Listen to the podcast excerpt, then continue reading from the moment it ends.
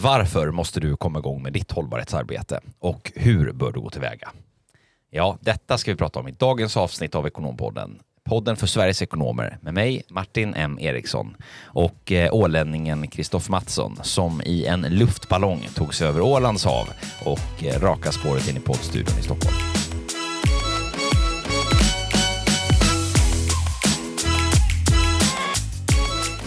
Mm. Det är väldigt spännande här. Vet du vad jag har tänkt på på sistone, Martin? Ja, jag vet att du är en tänkare. Mycket rör sig i ditt huvud och brukar dela med dig av det. Så att, eh, det är säkert någonting som du har tänkt på och sagt eller som du har tänkt på och inte hunnit säga än. Ja, jag har varit en sån här bedrövlig, vad heter det, globetrotter här i maj månad och kanske borde ransaka hur hållbart det är att resa eh, till alla dessa ställen. Jag har ju både varit i Berlin och i Rom och det här lovar jag att avslöja också för de som var nyfikna på den här hemliga destinationen och den hemliga destinationsresan gick alltså av stapeln till Rom här över Kristi flygarhelgen. Vet du vad jag har tänkt på Kristoffer? Eh, nej, låt höra. Att du i var, vartannat poddavsnitt alltid har så mycket att berätta om vart du har flängt överallt någonstans. Mm, just därför behöver jag rannsaka mig. Ja, det är nog en god idé. Ska man flyga eller ska man åka färja eller ska man åka luftballong? Paddla havskajak.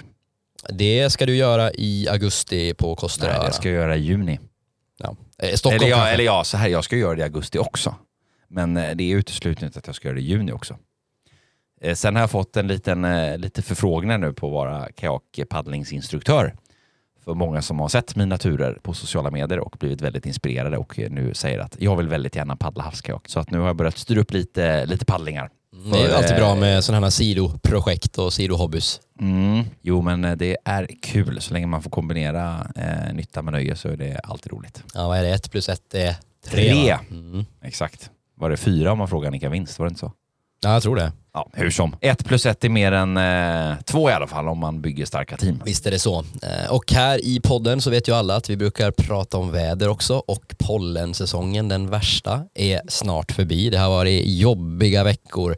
Eh, Härligt naturligtvis att solen och värmen har kommit men jag känt som att jag har gått runt och, och snytit mig och hostat mig och, och allt vad det har varit här i flera veckor. Men nu lät du som en sån här eh, riktigt rutinerad programledare för typ Nyhetsmorgon eller Fråga doktorn eller någonting där du bytte från ett ämne till ett annat. Ja visst, det är en eh, konst det också.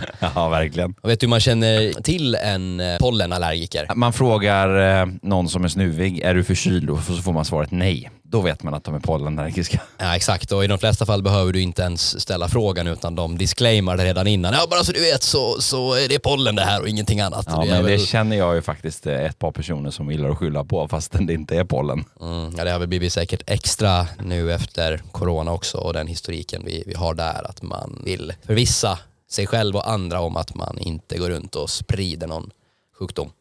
Det är många som säger att det har varit extra mycket vad det, pollen och björk och grejer här nu under våren. Men idag då Martin, vad har vi på agendan? Ja, men vi har ju eh, på agendan ett alldeles utomordentligt eh, avsnitt eh, om hållbart företagande och det passar väl bra att prata om det. Det blir som en bikt för dig kan man säga efter dina resor. Precis, nu är man i predikstolen här tänkte jag säga. Nej men man, man är i, jag var i Vatikan, I biktstolen. Vatikanstaten och biktade mig över mitt ohållbara resande i maj. Nej men vi var ju faktiskt på, på min kära ö här på Åland tidigare i eller början på maj egentligen och höll en, en eh, inspirationsföreläsning om hållbart företagande tillsammans med en av våra kunder. Och vi har fått väldigt mycket frågor kring det här materialet som ju då handlade om men vad egentligen hållbart företagande är. Och det har vi också pratat om tidigare i podden tillsammans med mm, Lali Fjällström bland annat eh, som gästade oss. Och eh, det här är ju någonting som, som inte är, det är på alla släppar just nu. Och hur ska man komma igång? Med sitt hållbarhetsarbete och när kommer det här slå igenom på, på riktigt. Så vi tänkte dedikera det här avsnittet att försöka komprimera lite det materialet vi diskuterade och eh, komma med lite konkreta stalltips till vad man kan tänka på för att komma igång med sitt hållbarhetsarbete. Ja, men precis. Så låt oss eh, hugga in och börja direkt.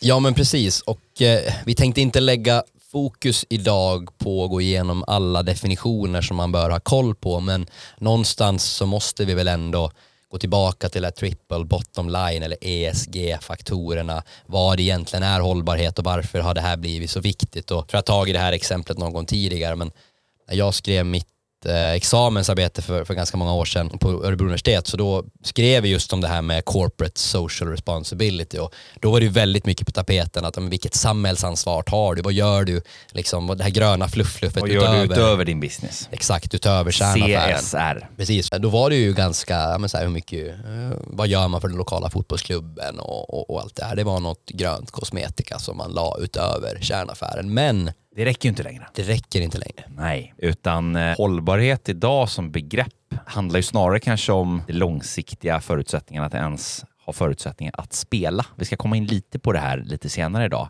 vad vi menar med det här med att fortsätta spela. Men klassiska perspektivet i näringslivet mycket har handlat om kortsiktiga vinster. Så ser det fortsatt ut idag. En stor del av, av den drivkraften, men det är ju avkastning på, på kapital egentligen som är det väsentliga som alla investerare tittar på. Så har vi ett antal drivare som driver på också just hållbarhetsarbetet utifrån eh, både ett socialt ansvarstagande, eh, regler som har att göra med eh, miljön och utsläpp, likväl som ju faktiskt affärsmodeller och affärsmodellens överlevnad för att överleva in i en, i en mer modern miljö.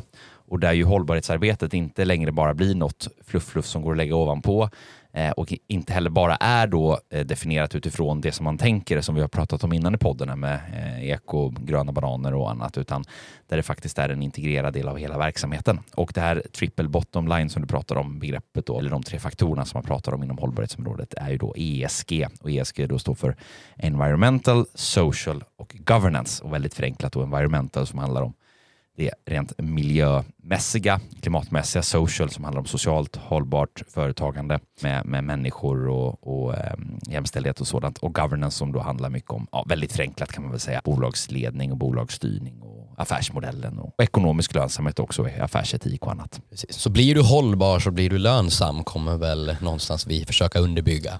Ja, och det är där det blir så intressant, just att man, man inser det att varför vi pratar ju om just det här med att att det handlar inte bara om att vinna och förlora utan det handlar om att eh, ge sig själv förutsättningar att ha förutsättningar att långsiktigt kunna spela. Det vill säga att ha en långsiktigt hållbar affärsmodell som funkar över tid. När vi då har ett antal externa drivare som driver på det här. då kan vi ju hoppa in lite så här, vad är de drivarna? Vad är det som skapar det här läget? Men dels har vi ju i grunden de rent eh, klimatmässiga förändringarna som vi befinner oss i.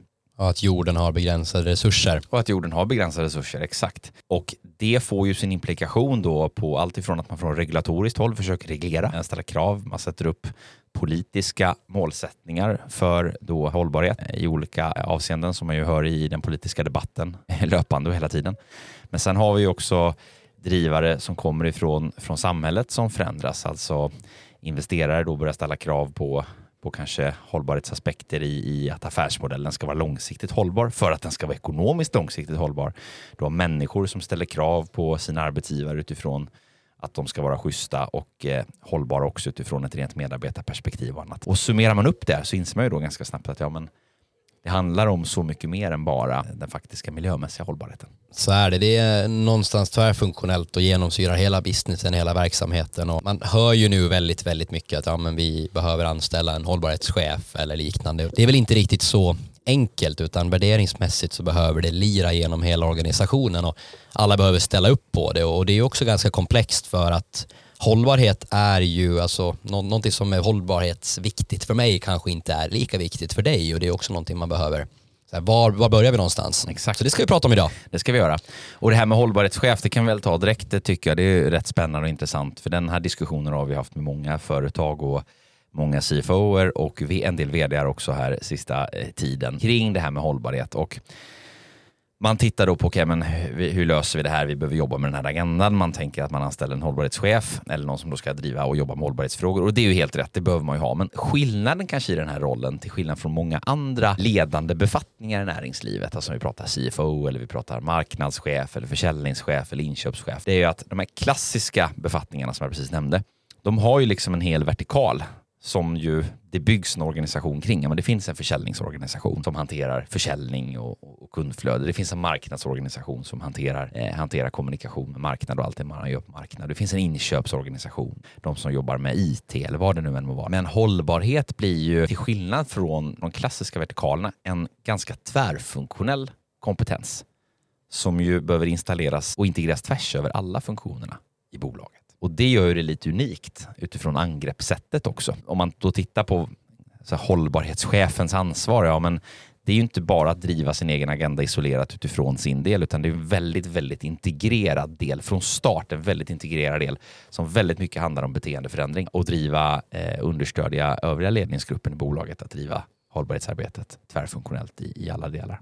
Sammantaget skulle man kunna säga att det här kommer att vara relevant även för ja, miljöidealister, de som inte är det. Eh, det kommer krävas att eh, hänga med på det här tåget för att eh, hålla sig konkurrenskraftig och även lönsam. Ja, exakt. I och med att det är ett område som inte bara innefattar miljö i dess liksom avgränsade skop och miljöavtryck kortsiktigt liksom och isolerat, utan att det handlar om en eh, integrerar egentligen hela affärsmodellen och hela affärsverksamheten i stort så eh, är det ett område som blir, blir kritiskt oavsett, oavsett intresse för klimat och eh, miljöfrågor. Så det första stalltipset blir att sätta igång med det här direkt och inte när regleringarna kräver att du gör det. Så är det. Ja, och att långsiktigt överleva eller fortsätta spela, det, det har vi pratat om tidigare och vi fick den här frågan vi hade ett frågeavsnitt som vi dedikerade just kring då hållbarhet och när det här kommer slå igenom på riktigt. Och vi båda är ju av den uppfattningen att det handlar någonstans om beteendeförändring och någonstans värderingsmässigt vad man vill åstadkomma inom en organisation och, och sådär. Och det får mig att tänka på James P. Cars som ju då skrev, var det 87 tror jag, eh, Finite and Infinite Games, eh, A Vision of Life as Play and Possibility. Och där menar han då att det finns två olika typer av spelare och två olika typer av organisationer och att eh, det här konceptet blir väldigt, väldigt starkt kopplat just till hållbarhet och hållbart företagande mm. eftersom att vi har begränsade resurser och man kommer behöva leva för oändligheten om man uttrycker det så. Mm. Och för att förtydliga de här lite då, vad, vad de här två spelsätten som han beskriver i den här boken. Vi kan ju säga det också att eh, Simon Sinek har ju tagit lite eh, Modern touch på det. Ja, exakt. Och sen så kan man ju ändå sträcka sig. Det finns ju, man kan hitta äldre managementlitteratur som också beskriver det här. Men Finite and Infinite Game, om vi börjar det här med det här ändliga då, eh, Finite Game som ju handlar egentligen om att det finns en vinnare och en förlorare i alla spel. Det handlar om att, att vinna eh, och slå konkurrenterna väldigt förenklat. Ja, om man inte vinner så förlorar man helt enkelt. Precis, och man brukar prata om att värderingar kommer kanske efter intressen och att du gör ditt jobb, du går till kontoret för att det är ditt jobb och för att du ska komma till kontoret. Eh, och att man kanske ofta föredrar liksom de här kortsiktiga vinsterna och att de någonstans går före det långs, den långsiktiga agendan då för att förenkla det. Och vänder man på det då, infinite games eller infinite players, och som man också kanske kan lite likställa med ett growth mindset som vi också har pratat om tidigare. Du håller fast vid dina värderingar hela tiden och du lär dig nya saker varje dag och det blir en nödvändighet att lära sig. Och planera för framtiden kanske är viktigare än att få någonting här och, och nu och du arbetar hela tiden för att utveckla och förbättra dig själv och fokuserar på samarbete och, och inte på konkurrens eh, och eh, strategierna, dina strategier håller fast eh, vid ditt liksom, mission och dina grundläggande värderingar. Och Simon Sinek har, om vi citerar honom så sa vid något tillfälle att a company that plays the infinite game isn't playing to win or lose, they're playing to continue play. Och det tycker jag summerar det här hela ganska bra. Mm.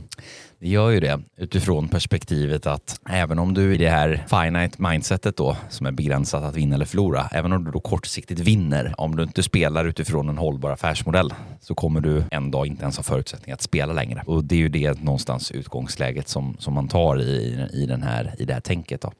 Riktigt bra bok faktiskt. Eh, och även den här eh, Infinite Games som Simon Sinek har skrivit är ju, kan man ju varmt rekommendera. Ja men verkligen och där beskriver han också många organisationer som till exempel Apple och sådär som har lyckats och ett bra exempel är Walmart som lyckades under en viss period men sen bytte man vd och företagsledare och så blev det ett helt annat fokus där man kanske snarare glömde liksom hela visionen med varför, eller vad man ville göra då. Man ville erbjuda billiga, bra grejer till, till alla människor, till att man ville driva värde för aktieägarna och, och där var en tydlig sån miss i hur man valde att spela spelet.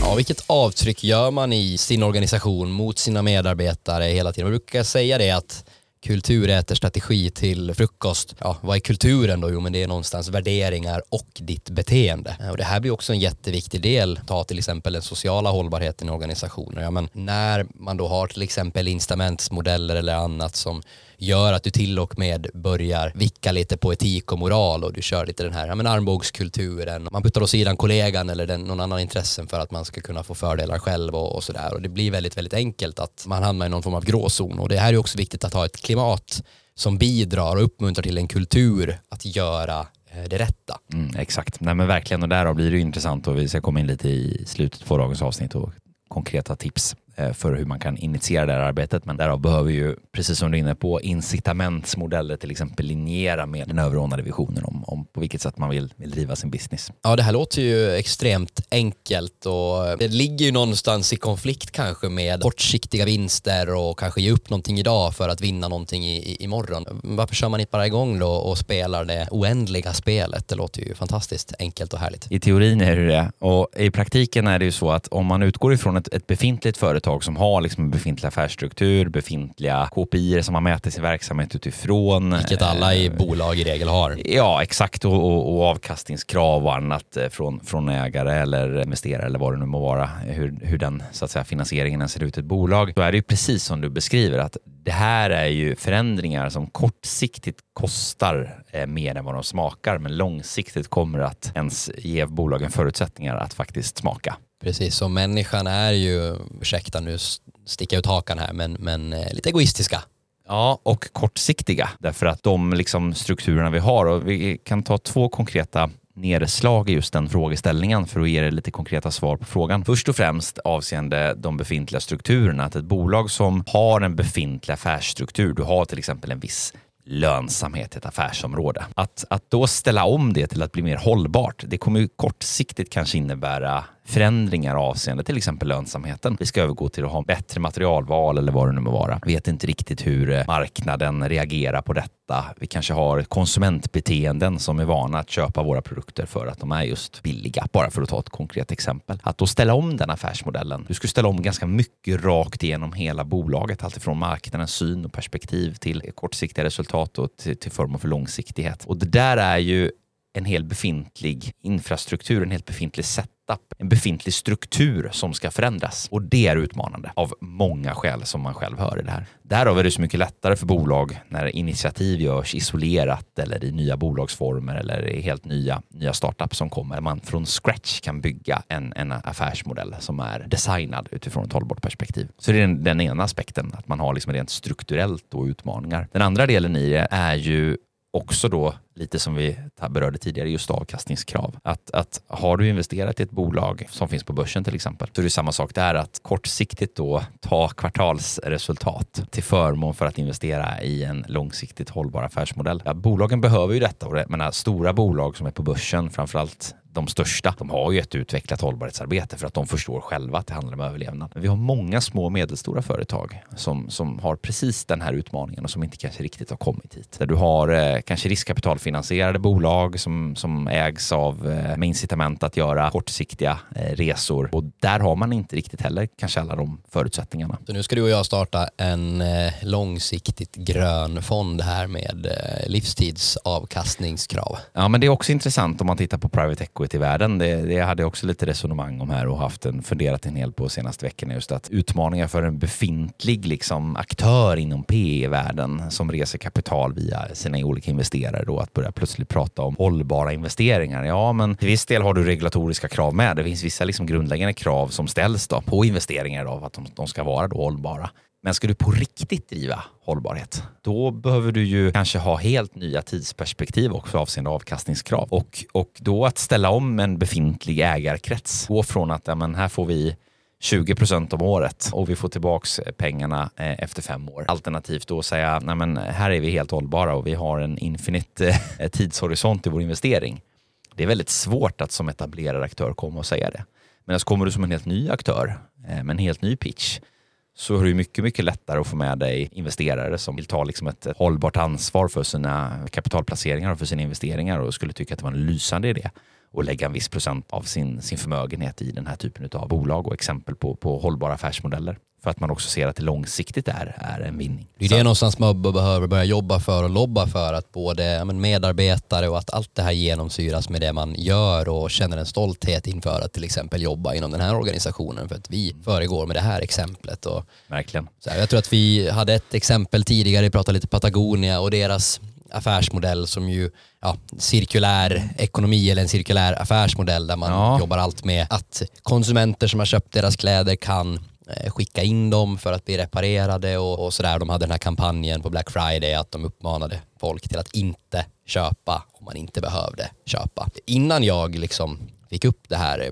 Patagonia-exemplet och så hade jag köpt en, en, en, väst därifrån. Men nu känner jag ju en, en extra stor stolthet att bära den när jag vet faktiskt vilket hållbarhetsarbete och vilka initiativ de står för. Och, ja, för att inte tala då om han som grundade det här en gång i tiden och han liksom hade egentligen inget vinstintresse överhuvudtaget. Han ville producera riktigt bra outdoor-kläder och mm. det är spännande. Patagonias grundare har ju vid något tillfälle sagt då att Earth is now our only shareholder. Jag tycker att det, det, är ganska slagkraftigt också.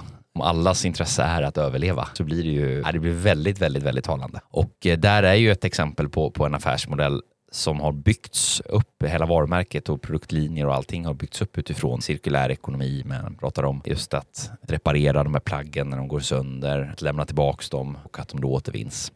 Exakt, och det är ju kanske ganska enkelt att hitta exempel om man pratar på till exempel Ehm, ska säga, varuproducerande bolag. Det ska vara kanske så koldioxidneutralt eh, som möjligt och man vill minska sitt klimatavtryck och sådär. Men vad kan man ta för exempel och paralleller om man tittar liksom business to business, konsultverksamhet? Och... Ja, och medan Patagonia då är ett lysande exempel på just eh, en hållbar affärsmodell i ett produktutvecklande bolag som säljer då produkter så kan man ju fundera då på motsvarande initiativ eller, eller hållbarhetsåtgärder då för ett bolag i tjänsteproducerande sektor. Vad, vad ser man där i näringslivet och vad kan vi se för exempel på hållbara affärsmodeller i, i tjänsteproducerande bolag? Det finns ganska många exempel och jag ska säga att det händer väldigt mycket där just nu också i näringslivet och i olika typer av bolag och olika satsningar. Men eh, i grund och botten har du ju, om vi, om vi tar den delen då i ESG som handlar om eh, en hållbar affärsmodell kopplat då till de tjänster du levererar så är det ju, ja men i grunden är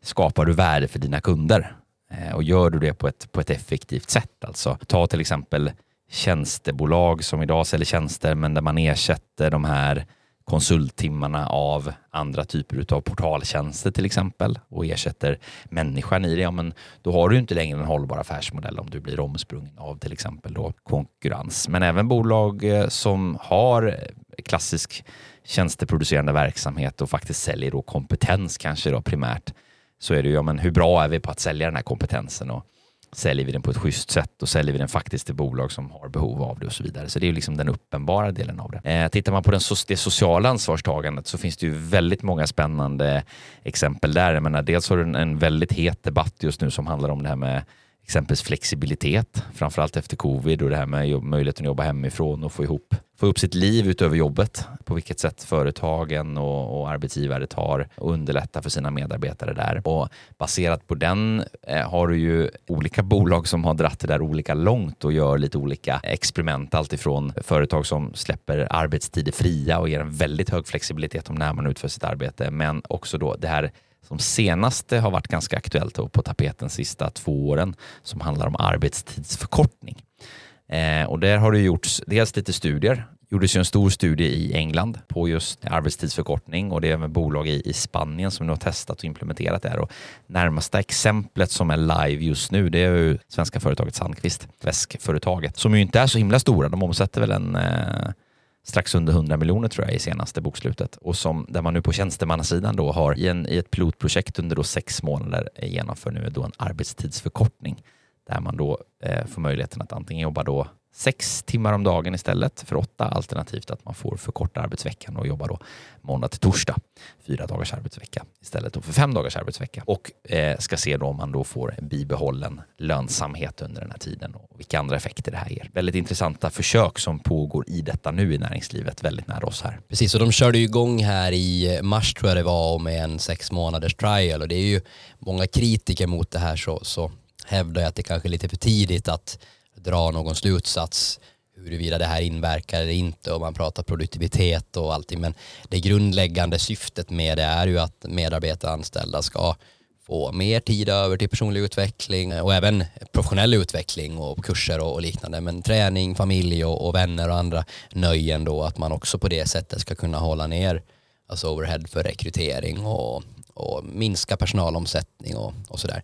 Och ett annat exempel Martin, du nämnde något konsultbolag som hade instiftat helt fria både, både arbetstider och arbetsplats. Va? Och så hade ja, exakt. hela lediga jobbsidan stängt ner för att det var så många som, som ansökte då till eh, någon roll som de utlyste. Mm. Ja men precis, det har gjort det finns lite olika, olika exempel på det. Jag, jag sitter och tänker på ett par olika bolag, men ett eh, företag ska jag inte nämna vilket, men där man har då gått ut med just fria arbetstider. Eh, och i princip då väldigt förenklat då så bygger det på tesen då dels att man har då en, en organisation med olika typer av kompetenser så att ganska typer av kanske spridda personligheter och annat. Och vissa människor som är morgonmänniskor och andra människor som är kvällsmänniskor och där man då egentligen har sagt att ja, men du får välja i princip när helst på dygnet du arbetar. Enda kravet är att du jobbar i princip då mellan ett och fyra på eftermiddagarna. För det är då alla är på plats. Så att gemensamma möten och annat det förläggs alltid till den tiden. Annars i princip är det helt fritt att välja, välja då när. Och där man också införde möjligheten att jobba eh, remote eh, från en annan plats geografiskt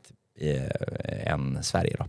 Eh, en månad per år. Väldigt, väldigt intressant. Mm. Som ju handlar om, men istället för att du ska vara tjänsteledig eller rent av kanske säga upp dig, så får du möjligheten att ta med dig jobbet och pröva dina vingar i ditt liv utöver det och samtidigt vara kvar på din arbetsplats. Och då behåller man ju kompetens och annat. Så att, lysande exempel. Så är det och vi har ju pratat om att göra liksom, kanske ett behov av att se över affärsmodeller. Vi har pratat konsultverksamhet tidigare, bland annat det här med framtidens redovisningskonsult. Finns det ett behov av att se över timme timme debitering, debiteringsgrader och det var här om veckan som vi, en av våra kunder eh, som satt som, som ekonomichef och ifrågasatte det här, men när ska man liksom slå hål på den här myten att bara för att jag sitter som CFO, varför ska jag behöva jobba 60-70 timmars arbetsveckor och ännu värre ibland när det är rapportering och, och liksom knappt hinna med att laga middag till, till mina barn. Och det är också någonting som ligger i det här sociala hållbarhetsskopet att Ja, så har det alltid varit att man som ekonom jobbar extremt mycket under mm. vissa perioder. Och varför ska det vara så vedertaget? Ja men exakt. Och, och jag tänker det här med, med, just redovisningstjänster. Det är ju ett lysande exempel, men där vi kanske får hög grad av automatisering i de flödena. Är det rimligt att vi tar betalt per timme? Precis som du är inne på. Alltså,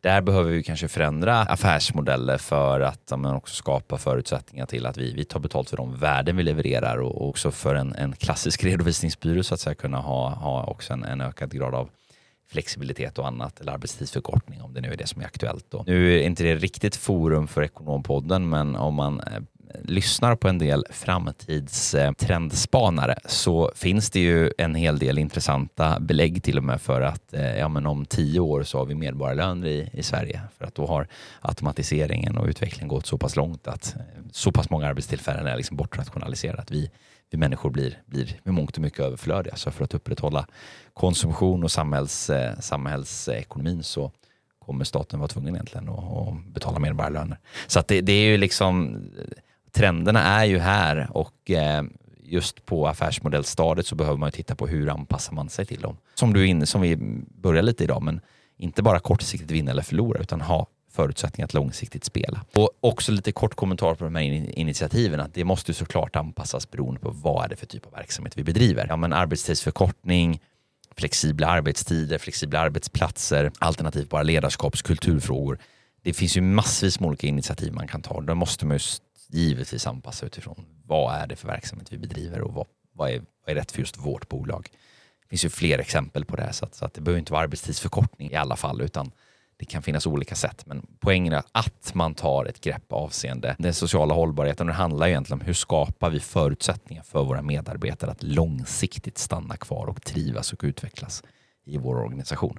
Det är ju egentligen huvudsyftet. Minska stress och minska eh, sjukfrånvaro och minska uppsägningar och öka trivsel och produktivitet. Vilket ju är i ett modernt tjänstesamhälle det som tjänsteproducerande företag, det som är, är, är värdet vi skapar det är inte liksom en timme in är lika med en timme resultat utan det är faktiskt, ibland sitter folk åtta timmar på dagen och presterar två. Ibland sitter de eh, sex timmar på en arbetsplats och presterar tolv. Och vad är det som är långsiktigt hållbart? Strålande. Vi tänkte lite sammanfattningsvis eh, försöka konkludera då tre stycken tips. Ja, men vad, vad kan man ta med sig av det här för att ge lite inspiration i hur man kommer igång med hållbarhetsarbetet. Och det första konkreta tipset vi skulle vilja ge är då att upprätta någon form av hållbarhetskultur och hållbara värderingar som lirar och genomsyrar hela affären. En, en djupare mening någonstans eh, som går bortom ja, det klassiska att tjäna pengar eller skapa värde för aktieägare, för intressenter. Vilka hållbarhetsvärderingar vill vi installera i vår verksamhet så att alla medarbetare faktiskt eh, ställer upp på dem? Mm. Och ett konkret exempel på det här är, men till exempel pratar vi om att leverera riktig kvalitet i våra tjänster eller våra produkter, ja, men då skulle det genomsyra alla delar av verksamheten. Allt ifrån en, en servicetekniker som åker ut och, och ska genomföra eh, en, en ett servicearbete ute hos en kund till hur en kund bemöts när de ringer in till ekonomiavdelningen och har åsikter om en, en faktura eller vad det nu må vara. Och, och då i management jobbar just med den här frågan att bygga vad vi kallar då ett oändligt ledarskap. Och vad menar vi med det? Jo, men en kultur och en mentalitet som uppmuntrar människor till att över tid göra det rätt rätta. Mycket handlar ju här om att eh, skapa ett utvecklingsorienterat growth mindset hos människor som, som gör att man, man har inte alltid svaren på best practice. För att ska vi förändra och utveckla så kommer vi också göra fel och att det är okej okay att göra fel och det är okej okay att erkänna sina, sina misstag och det är okej okay att säga ifrån och annat och, och kunna våga ta den här typen av diskussioner eh, där man också mycket initiativ kanske kommer inifrån organisationen och, och, behöver kanaliseras från medarbetare upp till ledning och att det är okej okay och att man uppmuntrar den typen av, av initiativ också. Så att det är en kulturfråga som är jätteviktig och där ligger ju väldigt mycket på eh, ledning och, och någonting som ju faktiskt eh, ytterst ligger på en HR-chef att driva. Precis, och nummer två, vi var inne på det här med långsiktighet, men även då alltså se över partnerskap och samarbeten snarare än konkurrens. Och det gäller ju både dig som enskild individ, om du hela tiden strävar efter att du ska bli en bättre version av dig själv. Vilken impact gör jag varje dag jag går till jobbet? Så kommer du per automatik att fokusera mer på ditt lärande och din utveckling snarare än att, vad ska vi säga, men hur står min prestation i förhållande till någon kollega eller till någon konkurrent då? Ja, men precis. Och samma sak här är ju det här långsiktiga i, i synen på, ta exempelvis leverantörsrelationer, det är ju ett väldigt bra exempel. Hur får vi de bästa villkoren, de lägsta priserna just nu? Det är ju det kortsiktiga perspektivet att se på på, på inköp. Nu raljerar jag ju väldigt hårt här bara för att väldigt, väldigt förenkla. Men alltså ett, ett hållbart perspektiv att se på det, hur vinner vi med leverantören långsiktigt tillsammans? Eh, här får man ju akta sig för kartellbildning och annat, men, men eh, just generellt sett bara, hur kan vi gemensamt kanske utveckla, vad vet jag, eh, de här typen av produkterna eller tjänsterna som vi köper in från, från leverantören. Nu kan vi ge feedback till den här leverantören för att de ska bli bättre. Eh, och, och, hur kan vi hjälpa våra leverantörer att bli hållbara i sitt arbete? För att är de en leverantör till oss så är de en direkt impact på vårt eget hållbarhetsarbete. Så att samarbete och samverkan eh, till skillnad från bara konkurrens, det är ju ett sånt mindset-skifte. Och samma sak är det ju med branschkollegor i, i branschen, att ja, men, man har ett syfte att driva en, en utveckling som är sund i, i, en bransch. Man kanske har olika sätt att göra det på då man konkurrerar eh, givetvis, men det finns ändå en hel del initiativ där man faktiskt kan titta på, på hur, kan vi, hur kan vi samverka också. Och nummer tre så går vi vidare till det här med, vi pratar automation och digitalisering och innovation är en bra sån här grej att men, börja gräva någonstans där du står. Vilka kvalitetsnyckeltal kan vi faktiskt börja titta på? Vilken typ av hållbarhetsengagemang eh, eh har vi redan gjort idag? Ja, men vi har redan bytt ut alla glödlampor till LED-lampor till exempel. Ja, men börja där. Och vägen dit kanske inte riktigt behöver vara helt eh, satt ännu. Mm. Eh, men man behöver någonstans ha visionen i, i, i syfte. Jag tror att jag läste någon artikel bland annat här om Apple och deras hållbarhetsarbete och att de har nu sedan 2018 minskat sin energianvändning med typ 60-65 procent eller någonting. Och mm. just att uppföljaren för varje mobil version då, iPhone 13, 14 och så vidare. Så, så de ständigt utmanar sig själva och de kanske kommer på nya saker och inventar det liksom all along the way. Så det är viktigare att komma igång än att hela vägen är, är utstakad. Mm. Så vilka, vilka nyckeltal är det som vi kan direkt se en korrelation till vår långsiktiga överlevnad? Det är ju en, en relevant övning att göra. Precis. Kopplat till samma sak då egentligen att ja, men använd risk någonstans. Alltså vilka affärsrisker är störst på ja, den här leverantörs eller kundrelationen så går hela businessen i stöpet. Ja, men då kanske det är viktigt att börja prioritera där. Mm. Och eh, just så här, men blir jag omsprungen av konkurrens i det här segmentet så är det, är det svårt för oss. Eller har vi risk med att vi är konkurrensutsatta utifrån ett, ett medarbetarperspektiv, att vi blir av med våra, våra kollegor för att de går till andra mer intressanta arbetsgivare, ja, men då är du, har du en risk i det. Och då kan du initiera just hållbarhetsarbetet i den delen där du har de största affärsriskerna. Det är ett väldigt, väldigt konkret och bra sätt att påbörja sitt hållbarhetsarbete eh, och ett väldigt värdefullt sådant också. Och som sagt, det är väldigt komplext för jag vet, det var någon häromdagen som sa till mig att ja, men vi eh, gör fantastiskt mycket spännande initiativ Eh, och det står så mycket härliga grejer eh, i, i vår hållbarhetsrapport. Då. på tal om greenwashing och, och ett annat uttryck som har kommit då, greenhushing som egentligen är det, det motsatta, att man gör ganska mycket hållbarhetsinitiativ men man väljer att kanske inte prata om det så högt för, ja, men med risk då för att man ska uppfattas som en greenwasher.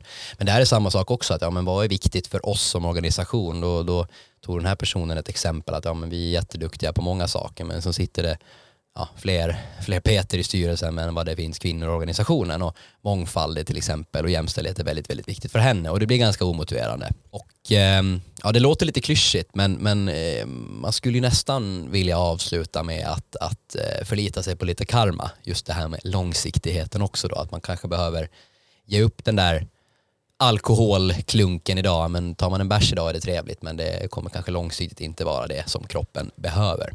Samma sak med kontinuitet i träning när du går till gymmet. Du kan inte lyfta tungt en gång eller säga till din flickvän eller pojkvän att du älskar henne en eller två dagar. Du behöver göra det kontinuerligt och visa också gester och andra grejer som gör att det finns någon bestående övertid. Eller hur Martin? Ja, det var ju lite kärlekstips här. Yes. Relationstips.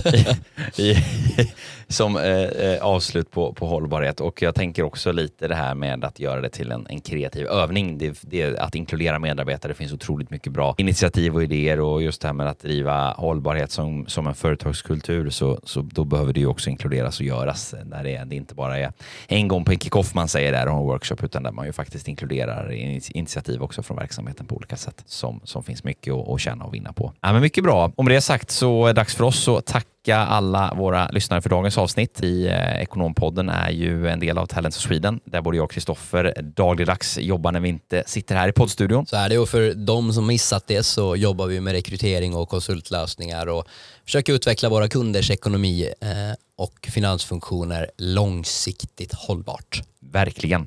Så eh, kontakta mig eller Kristoffer på LinkedIn om ni är i behov av att förstärka er ekonomi. Det går att mejla också det funkar att mejla. Vi tar gärna en, en, en diskussion, en workshop och bjuder på kunskap, råd och kompetens eh, utifrån era specifika utmaningar. Och vill ni diskutera något om podden eller för all del glöm inte och eh, följ och prenumerera i din poddapp så du inte missar något nytt avsnitt. Så är det och pinga en kompis som borde lyssna på det här också. Det tycker vi. Och med det sagt, tack för, ni, för att ni har lyssnat den här gången så hörs vi om två veckor igen. Ha det gott. Hej hej. hej.